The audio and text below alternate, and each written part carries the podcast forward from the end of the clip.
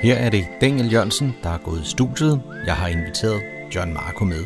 Han har en fortid som ansat på raketbasen i Gunnerød nær Karlebo. Raketbasen havde sit virke under den kolde krig, og det skal vi snakke om i den her udsendelse, og samtidig krydder det med relateret musik. Blandt andet den her fra Scorpions, der hedder Wind of Change. Follow the Moskva down to Gonky Park, listening to the change. An August summer night, soldiers passing by, listening to the wind of change.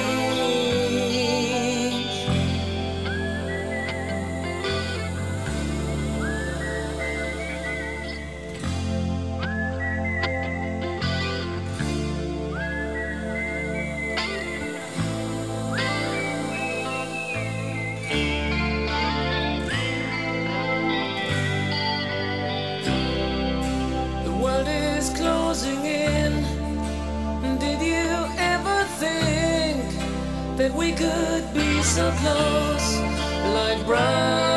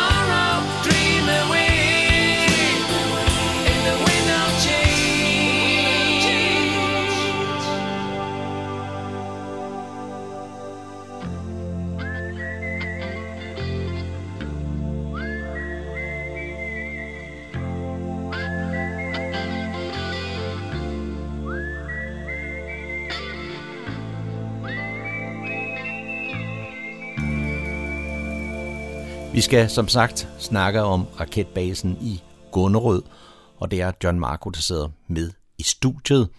Velkommen til, John. Tak skal du have. John, hvad er øh, baggrunden for, at du har været på øh, raketbasen ude i Gunnerød? Situationen er den, at for det første, jeg er født i 1944. I 1960, der blev jeg så 16 år. Og min fatter, han havde luret mig. Han opdagede, at jeg aldrig åbnede en skolebog. Og så sagde han til mig noget i stil med, var der ikke noget for dig at komme ind og blive konstabel? Så tænkte jeg, jo, det er fint, fordi så er jeg fri for at gå over på skolen og se på de der gråhårede gamlinge, som jeg opfattede dem som vores lærere. Og øh, to måneder efter jeg blev 16, der startede jeg på konstabelskolen i Ringsted. Men øh, det vil sige, det var før der var noget, der hed værnepligt? Altså, jeg var ikke i alder til at være værnepligt. Nej, det, det var du jo ikke. Du var vel kun 16? Ja, jeg var kun 16. Ja. Det, var, det var noget, man gjorde i en årrække der. Hmm. Jeg tror, man startede med den der konstabelordning i sommeren 1960, og så har jeg så været på hold nummer to, så vidt jeg kan regne ud. Ja. Det var jo ganske ungt at starte i, uh, i forsvaret. Ja, og det, det sjove, det var jo, at vi skulle være på konstabelskolen i Ringsted der i et halvt års tid, og det var jo herren, der havde det. Mm. Så sker der det, at man mangler folk ved, ved raketforsvaret eller missilforsvaret, alt efter hvordan man udtrykker det. Så dem af os, der kunne læse og skrive, vi blev taget fra og kørt ud til de der fire enheder. Der lå en enhed i, øh, i, i Gunnerød ved, ved Karlebo. Så lå der en enhed man til ude i øh, Kongelunden. Der lå en på Stævns i Sierslev. Og så lå der en i Tune ved Roskilde. Mm. Og de manglede altså folk, og så skulle vi ud og, og lære at betjene det der. Ja. Og øh, Gunnerød, for, for dem, der måske ikke er sådan helt lokalkendte, hvor ligger det så henne? Ja, det ligger mellem, ja, mellem Hørsom og Karlebo. Ja. Og der er så sådan en, en man kan stadigvæk se det i, i landskabet det sted? Ja, det kan man godt, fordi hvis man kører af Istrødevejen, så nordfra, kører mod Hørsholm, så på venstre hånd, der er der en høj bakketop lige efter rundkørslen der ved Kirkelte, mm. med en høj mast på, og det var der, vores radar stod. Og, og stedet, det hedder Smidsbjerg. Ja, men øh, det fremgår af den her artikel, at, øh, at raketterne, de stod klar dernede. Gjorde de det? Ja, de stod ikke klar på bakketoppen. Altså, området, det var adskilt. Det var to geografisk adskilte områder. Raketterne, de stod nede i Fredtofte, helt nøjagtigt i det, der hedder Selested Mose. Mm. Der var tre, øh, ja, tre sektioner, kaldte vi det. Tre steder, hvor missilerne lå oplagret, og hvor de kunne affyres fra. Ja. Og hvad var det, de skulle affyres imod? Hvis der kom en ond fjende, og jeg tror nok, vi mest tænkte på dem østfra, altså russerne, der fløj ind over, jamen så var det så meningen, at vi skulle i værste fald øh, skulle tilindegøre dem med vores missiler. Mm. De der fire enheder, som jeg taler om, de var jo stillet op som en slags nærforsvar af København. Altså vi var nordpå, og så altså, hele vejen rundt om byen, altså landets hovedstad, for at beskytte vores regering og kongehus med mere. Mm.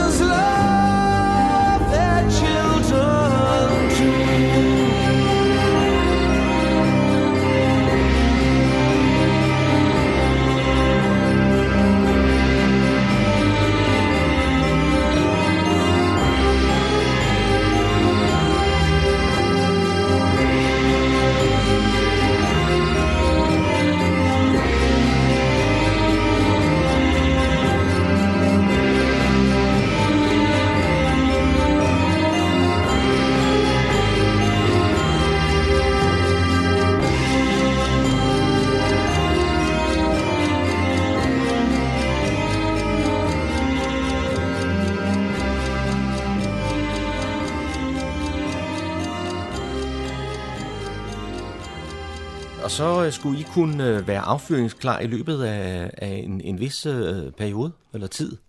Ja, det var sådan, at øh, de der fire enheder, de lå i hver sin beredskabsniveau. Det højeste beredskabsniveau, det var 5 minutter, hvor man fra man fik ordren oppefra, og til et missil, det skulle kunne være i luften, der måtte gå maks 5 minutter. Mm. Det næste beredskab, det var tilsvarende bare på 15 minutter, og så havde vi et øh, 3 timers beredskab og et 12 timers beredskab. Og øh, det gode ved at have de der, måske ikke så meget 3 timers, men i hvert fald 12 timers beredskab, det var, at man så havde mulighed for at øh, rengøre, adskille, vedligeholde udstyret, hvis der var noget, der var, der var ved at være slidt ned.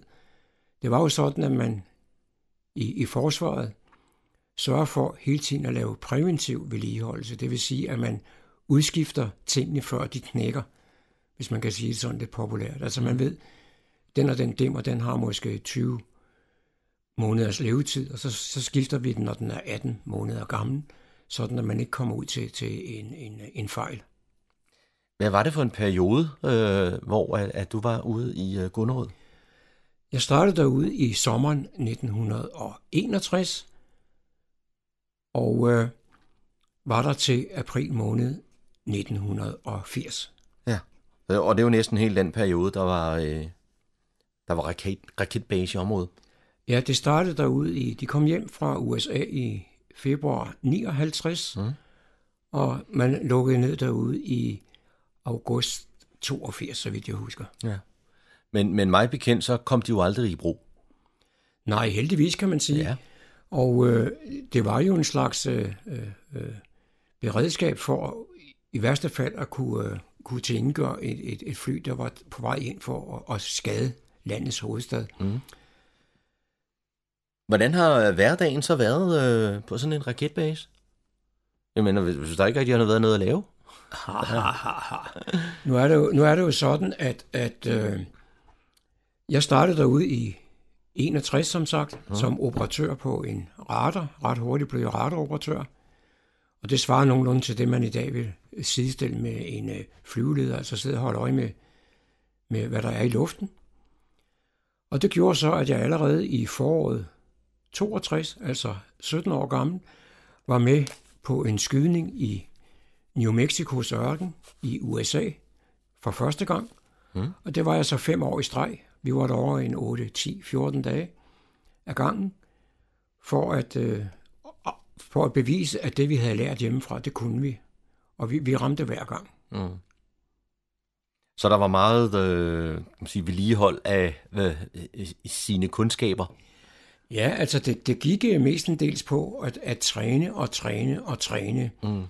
Og senere, i 67, der tager jeg til Norge for at blive tekniker på udstyret. Der var jeg så oppe i et helt år, med, med fuld hyre selvfølgelig, og havde familie med, kone og barn. Og øh, har så været tekniker på udstyret siden der i 68 til at forlod det i, i 80. Mm.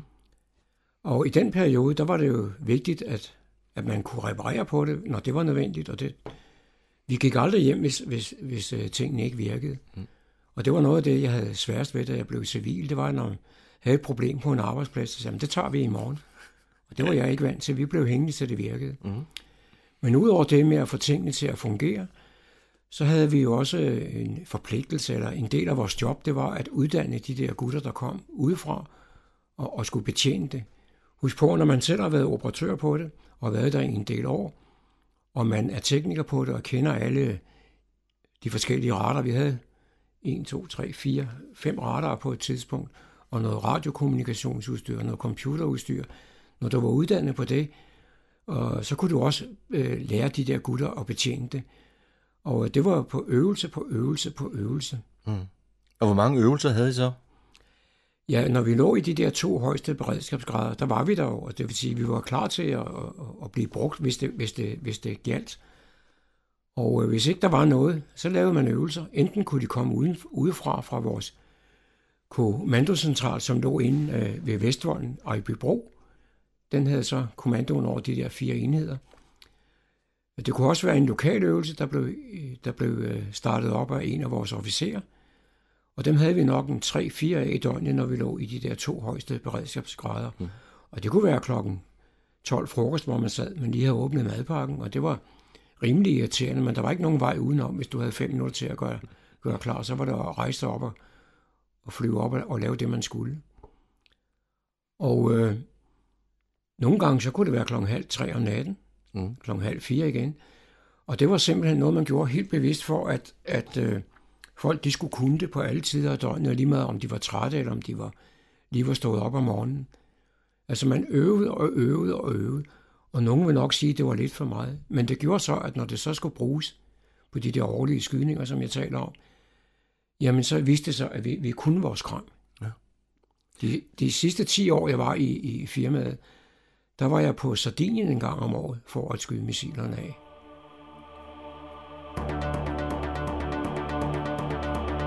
Jeg kan høre flyvere i natten Er det fjende eller ven? Er det nu det sker? Er det nu det kommer igen? Er det nu det sker? Er det nu det kommer igen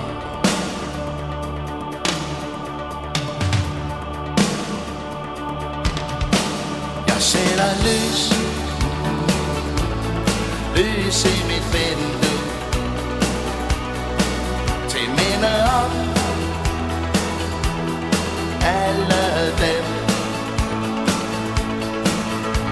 Der forsvandt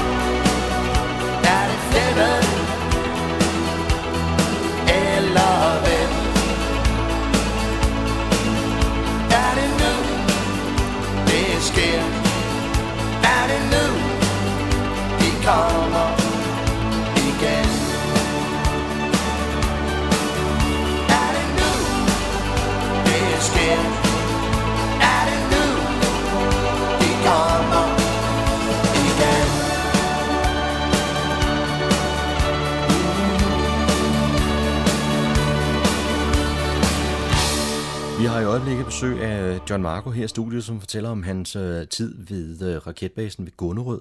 Og John, øh, du fortalte jo også lidt øh, før, at øh, I kunne blive kaldt op klokken 3 om natten. Var I der i døgndrift, eller hvad, hvad, hvor, mange, øh, hvor meget arbejde havde I?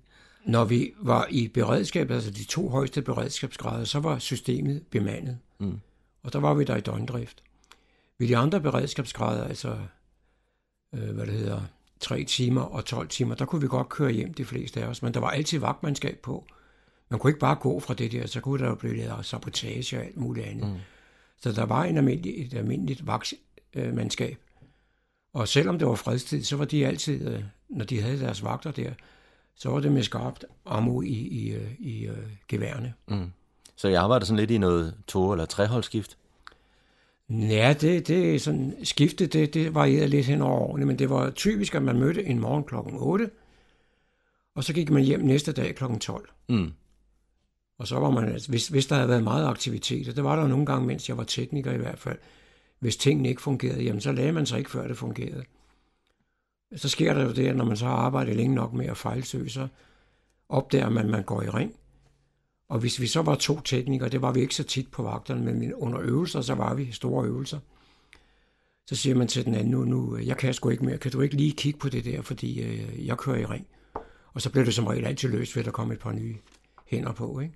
Hvor, hvor mange var I så i, i alt på, på basen der?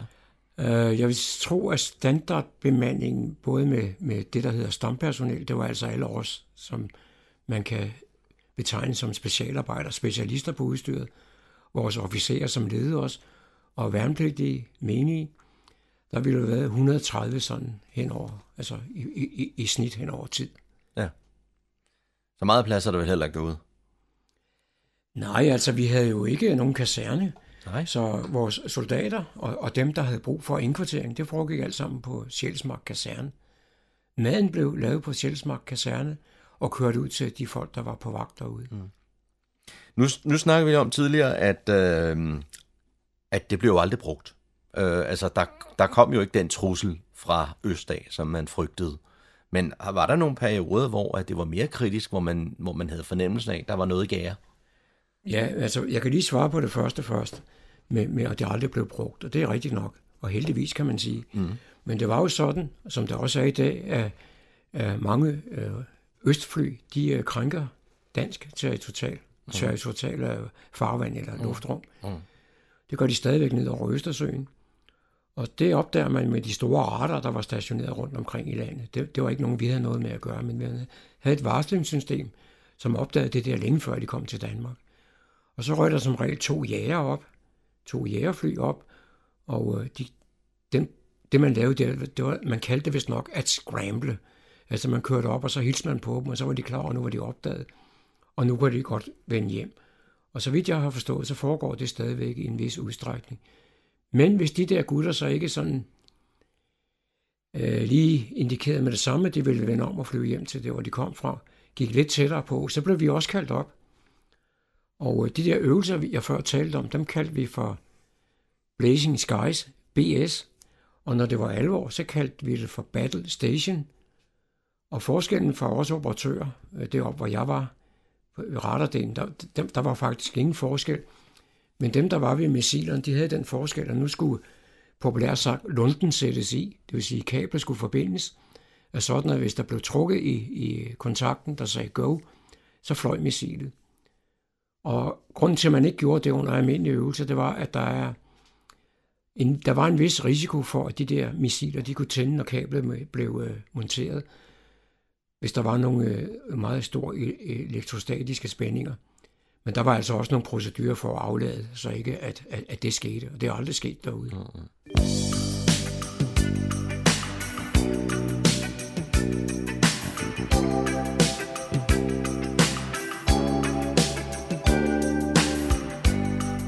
Guitar, is it cold?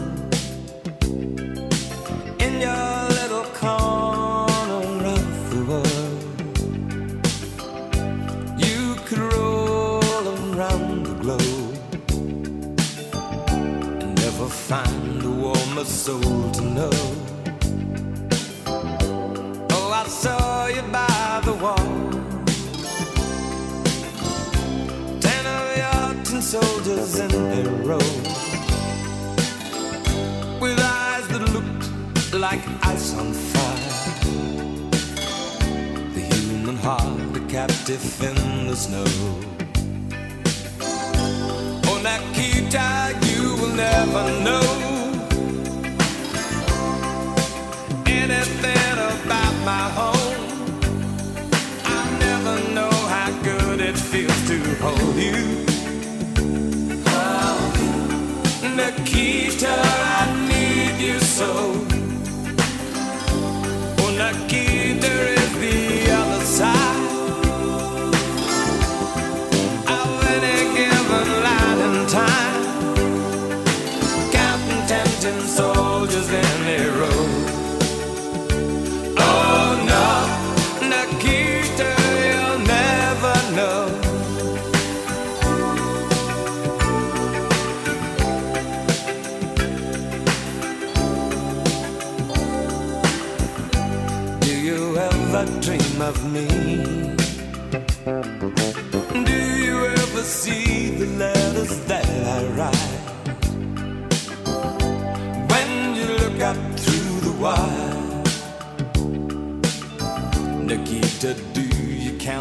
stars at night?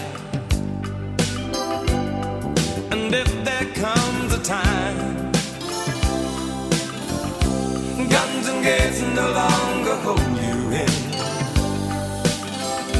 And if you're free to make a choice, just look towards the west and find a friend. Oh, Nikita, you will never know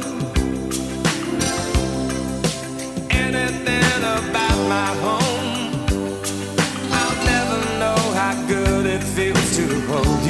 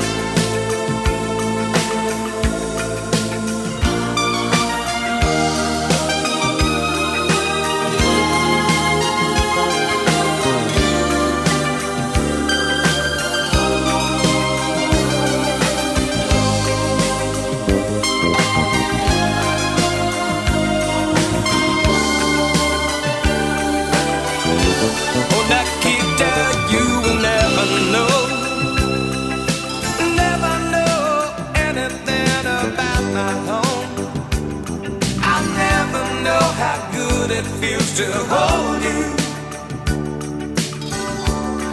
Nikita, I need you so. Oh, Nikita, here's the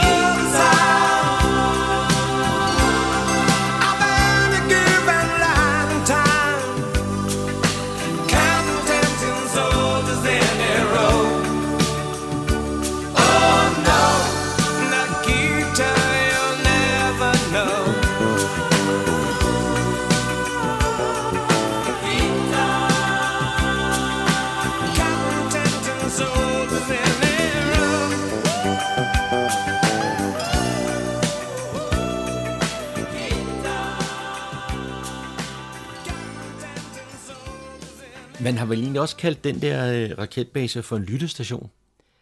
Ja, men det er vist noget af en tilsnigelse. Ja. Øh, Da min søn, som nu er 51 på et tidspunkt, fik walkie-talkie, øh, der, der var jeg også stadigvæk derude. Og der troede øh, nogle af dem, han talte med på walkie-talkien, at det var en lyttestation, der kunne aflytte, hvor kraftigt de sendte med deres radioer. Og så spurgte de mig, og så tænkte jeg, nu er jeg jo i firmaet, så jeg lader dem bare gå med den der.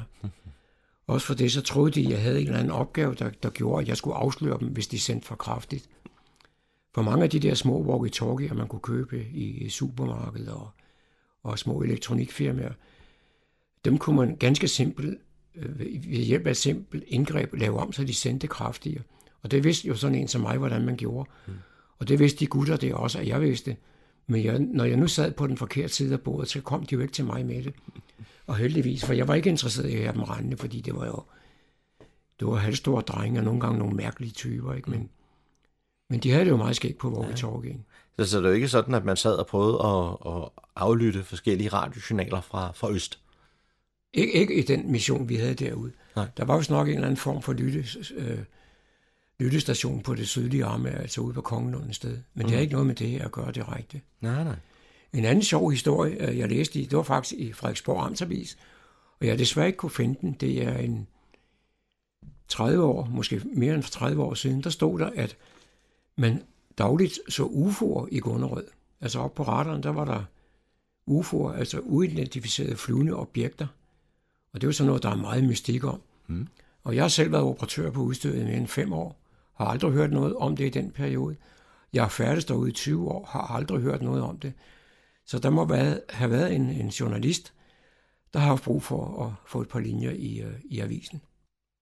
Og John, øh, hvad fik du ud af dit arbejde på, øh, på den base? For det første havde jeg fast arbejde i, i næsten 20 år, og øh, jeg fik en uddannelse som elektromekaniker. Mm. Efter jeg var blevet tekniker på udstyret der og havde arbejdet på det i nogle år, så kunne man så, hvis man følte sig kvalificeret, gå til en svendeprøve.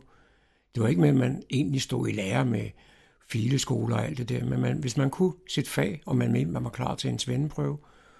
Og der, jeg tog så et svendeprøve i 77, tror jeg. Fordi nu var jeg efterhånden begyndt at, at tænke på at blive civil. Jeg havde overlov fra, fra firmaet i 77, jeg var, fordi vi var en hel masse gutter, der var jævnaldrende, og, og som fik at vide, når vi var 45, så var det ud i kulden.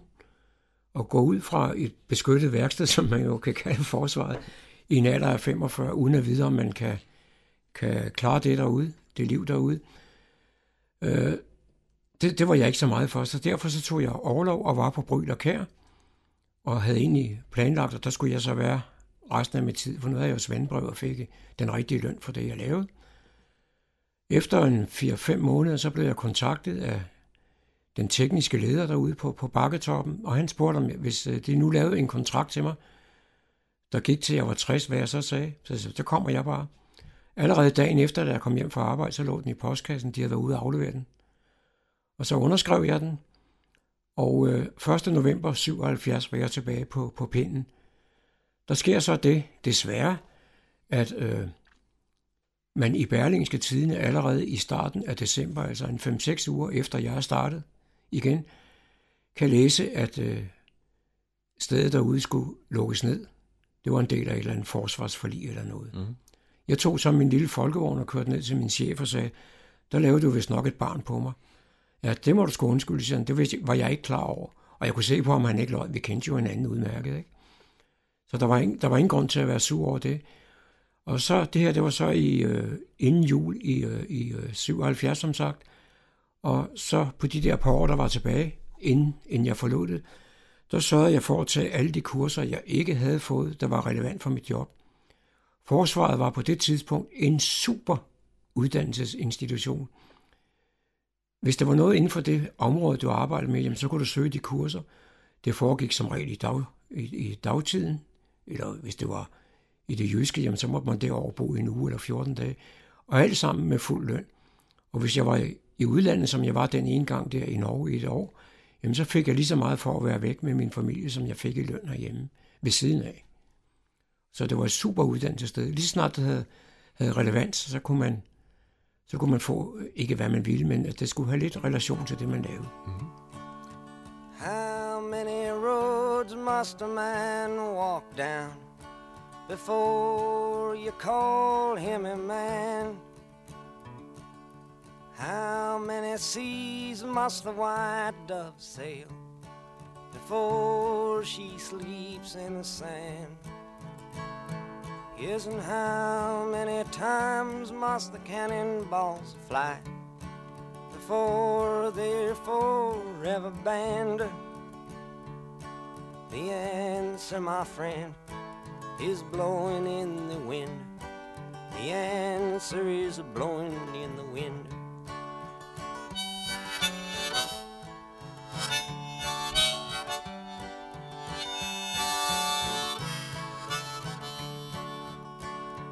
Yes, and how many years can a mountain exist before it is washed to the sea? Yes, and how many years can some people exist before they're allowed to be free? Yes, and how many times can a man turn his head and pretend that he just doesn't see? The answer, my friend, is blowing in the wind. The answer is blowing in the wind.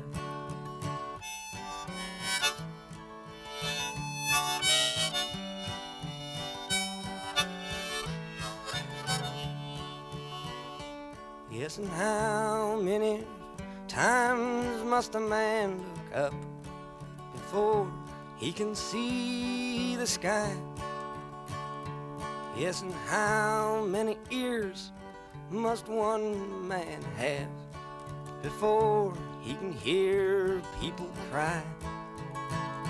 Yes, and how many deaths will it take till he knows that too many people have died?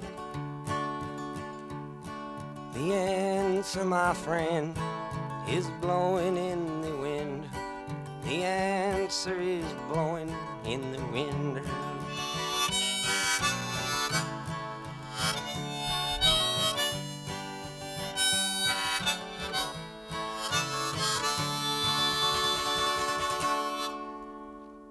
Vi har jo som sagt øh, John Marco i studiet i dag for at fortælle om raketbasen i Gunnerød. Du må også have i den der øh, lange periode, du har været derude, mødt en masse forskellige mennesker, som øh, har haft noget med forsvaret at gøre og i det hele taget. Ja, det sjove det var jo, at, at øh, mange øh, civilister stadigvæk i dag, øh, de har, eller mange mennesker, der ikke er ansat i det offentlige, de har jo en eller anden fornemmelse af, at det er nogle sløve padder alle sammen, og sådan har der også gået om de forskellige kommuner rundt omkring. Men når jeg nu ser, hvad der foregår i Fredensborg Kommune, der kan ikke være meget slendrian der. De bliver jo overvåget hele tiden. Og men, men derude, der mødte man jo øh, folk af alle slags. For det første var der det officerskorps, som, som, øh, en del af der, havde, som en del af deres uddannelse skulle ud og prøve, prøve kræfter med sådan en enhed. Og øh, meget ofte, når der kom, især hvis der var en ny chef, der var på vej, så var du ikke en, han var jo ikke lige startet i, i firmaet den dag, han skulle ud til os. Så kunne der gå et rygte en 3-4 måneder før, nu kommer den og den, og han er sådan og sådan. Og jeg tror nok, jeg lige i starten, jeg var ansat derude, øh, hoppede med på den der. Men ret hurtigt derefter, så fandt jeg ud af, at øh, den relation, jeg skal have til en mand, det skal ikke være på et rygte. Det kan godt være, at han er sådan og sådan, og han har det der i sig. Men det kunne, det kunne være, at der var en grund til, at han har opført sig sådan over for en eller anden gut. Og det har jeg så øh, øh praktiseret siden, og det har faktisk aldrig givet mig nogen problemer. Der var nogle gange noget om snakken, men, men, men øh, det var ikke det, der øh, lavede dag, dagsordenen. Der var så også øh, officerer, som var, selvom det var folk der i 20'erne, måske 30 år cirka, som øh, havde fuld skrue, og de skulle fremad, ikke? Det var ikke altid, de tænkte så lige meget om, og det vil sige, når de skulle afprøves på de ting, de skulle kunne der, jamen, så havde de besvær med det. Og hvis de så ikke gav sig, altså var, var bedre end os andre i deres egen lille verden, jamen så fik de ikke den hjælp, de skulle have. Og på den måde så regulerede det sig selv. Med hensyn til de værnepligtige, så kom de jo fra alle samfundslag. Det kunne være en over fra vestkysten, der havde gået og gravet grøfter. Det over, hvor man øh, og havde gravet sandorm samtidig og sådan noget. Ikke? Og en anden kunne være landmandssøn, og en, en kunne være ingeniør. Og der må jeg nok sige, noget af det værste, jeg oplevede de sidste mange år, det var, at folk, når de var på station, blev spurgt om deres baggrund. Og så kunne der sidde en mand med en ingeniørbaggrund, og det vidste de jo godt, inden, inden mand nåede så vidt. Jamen, så skal du ud til raketterne, fordi så kan du bruge din viden. Og når manden så kom ud der, det eneste han, han fik, det var et, et øh, våben, altså et gevær eller en maskinpistol, og nøglen til porten, og så kunne han få lov til at bruge telefonen nede i vagten. Der var ikke ret mange af de der gutter, der fik lov at arbejde aktivt med på udstyret. Ganske få var der, men de havde ikke nogen særlig øh, frem, fremtrædende rolle på, på, på det udstyr der. Og det var lidt synd, og de var meget, meget desillusionerede. Og det affødte, en dag, jeg kommer ned i vagten, så sidder der en mand, altså nu var jeg jo, jeg var midt i 30'erne, da jeg forlod det, så jeg har været omkring de 30 på det her tidspunkt. Så sidder der en mand, han kunne ikke være min far, men han var noget ældre end mig, med en betydelig højere uddannelse. Han sidder og broderer. Så siger jeg, hvad fanden er det? Det er ikke tøsarbejde. Nej, nej, men han følte sig en lille smule snydt af det, han havde fået at vide på stationen. Og så for ikke at knække helt sammen, så skulle tiden gå med noget, der var bare lidt fornuftigt og lidt provokerende. Så det var, det var hans måde at takle det på. Og der var nogen, de var fuldstændig desillusionerede. Ikke? Where have all the flowers gone? Long time passing. Where have all the flowers gone? Long time ago. Where have all the flowers gone? The girls have picked them, every one. Oh, when will you ever learn? Oh, when will you ever learn? Where have all the young girls gone? Long time passing. Where have all the young girls gone? Long time ago. Where have all the young girls gone? They've taken husbands, everyone. Oh, when will you ever learn? Oh, when will you ever learn? Where have all the young men gone? Long time passing. Where have all the young men gone? Long time ago. Where have all the young men gone? They're all in uniform. Oh, when will we ever learn?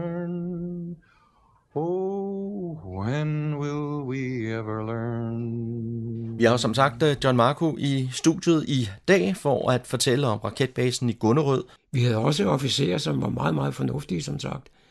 Og så havde vi også nogen, der lige så snart de havde fået de der gradstegn på, jamen så kunne de, kunne de det hele, ikke? Og de havde slet ingen menneskelige kendskaber. Men det, jeg har fået mest ud af det omkring mennesker, det er, at i dag føler jeg, at jeg kan tale med alle, selvom jeg aldrig har set dem før. Jeg kan ikke stå på stationen og vente på noget familie, eller så falder jeg i snak med nogen. Tager jeg toget til København, jamen så sidder jeg og taler med folk, inden jeg når Rungsted, ikke? Så, og det, det, jeg ved ikke, om det kommer derfra. Jeg tror det. Jeg har mødt så mange, ikke? og jeg kan stadigvæk, nu er der desværre længe imellem, møde folk, der har været der. Og så er de nødt til lige at fortælle, hvem der var der samtidig, og hvad chefen hed og sådan noget. Men så kan jeg pludselig kende dem. Ikke? Ja, Det- man, det er meget man ud, udvikler sig jo. Ja. Øhm, Og om hensyn til min uddannelse, så har jeg jo så levet af den, indtil jeg ble- blev pensioneret her for, for syv år siden. I dag der er der jo ikke øh, noget virke ude på øh, basen mere. Det vel lukket helt ned. Ja, det er sådan en, en sandhed med modifikationer. Mm. I øh, området, hvor raketterne stod, der er der et privat øh, firma, der har, har købt noget af det og bruger det til noget opbevaring. Og øh, på Smidsbjerg, der hvor radarerne stod, der bliver et af radartårnene i dag brugt DMI, altså Danmarks Meteorologiske Institut. Og der har de en stor værsatellit stående, eller en, en, en satellitmodtager, mm. en parabolmodtager, som står og kigger mod nord, og to gange i døgnet kommer der en satellit op nordfra, og når den kommer op over horisonten, så kan modtageren der se, at den er der, og så følger den med hele vejen rundt til horis- horisonten i den anden side, og så svipper den tilbage og venter på, at den kommer igen. Og satellitten kommer som sagt to gange i døgnet, og er med til at øh, give data til, til de vejrmeldinger, vi får om aftenen i, i TV-avisen. Mm. Men forsvaret har ikke noget med stedet at gøre. Nej, det er Den i dag. korrekt. Det er korrekt. Øh, og, og der har man jo sådan nogle helt andre ting, man, øh, man arbejder med, for man har jo i princippet også lukket den kolde krig ned. Ja, det ved jeg så ikke. Jeg, jeg har jo forladt den i hvert fald. men Jeg ved ikke, hvordan det ser ud i dag. Nej. Men man skal så huske på, at den, de oplevelser, vi havde dengang, jeg var i det, det var, vi, vi var en del af et forsvar. Vi har jo ikke, som det er i dag, regnet med, at vi nogensinde skulle ud af landet for at bekrige øh, terrorisme eller noget andet. Øh, men men øh, der, der er der jo en lidt anden dagsorden i dag. Og jeg har haft kollegaer i, i et civilt job siden, som, som var ved et nyere øh, øh, raketsystem, end det jeg arbejdede på, som øh, blev kaldt til chefen, og så skulle de underskrive en erklæring på, at de godt ville ud og, og være krigere i det store udland. Og dem, der ikke ville det, jamen, de kunne lige så godt rejse, fordi de, øh, deres karrieremuligheder var slut.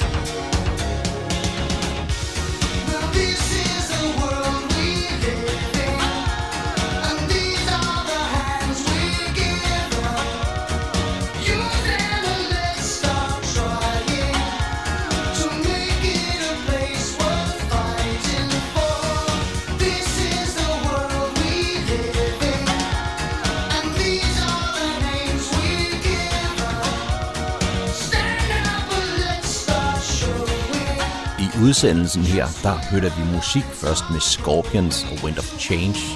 Dernæst var det Sting med Russians. Kim Larsen gav os Flyvere i natten, og så var det Elton John, der sang om Nikita. Bob Dylan gav os Blowing in the Wind, og det var Pete Seeger på Where Has All the Flowers Gone. Så hørte vi Genesis på Lane of Confusion. Her er det The Pitch Mode, 2 Minutes Warning. Daniel Bjørnsen siger på genhør en anden god gang her på kanalen. no lying by the orange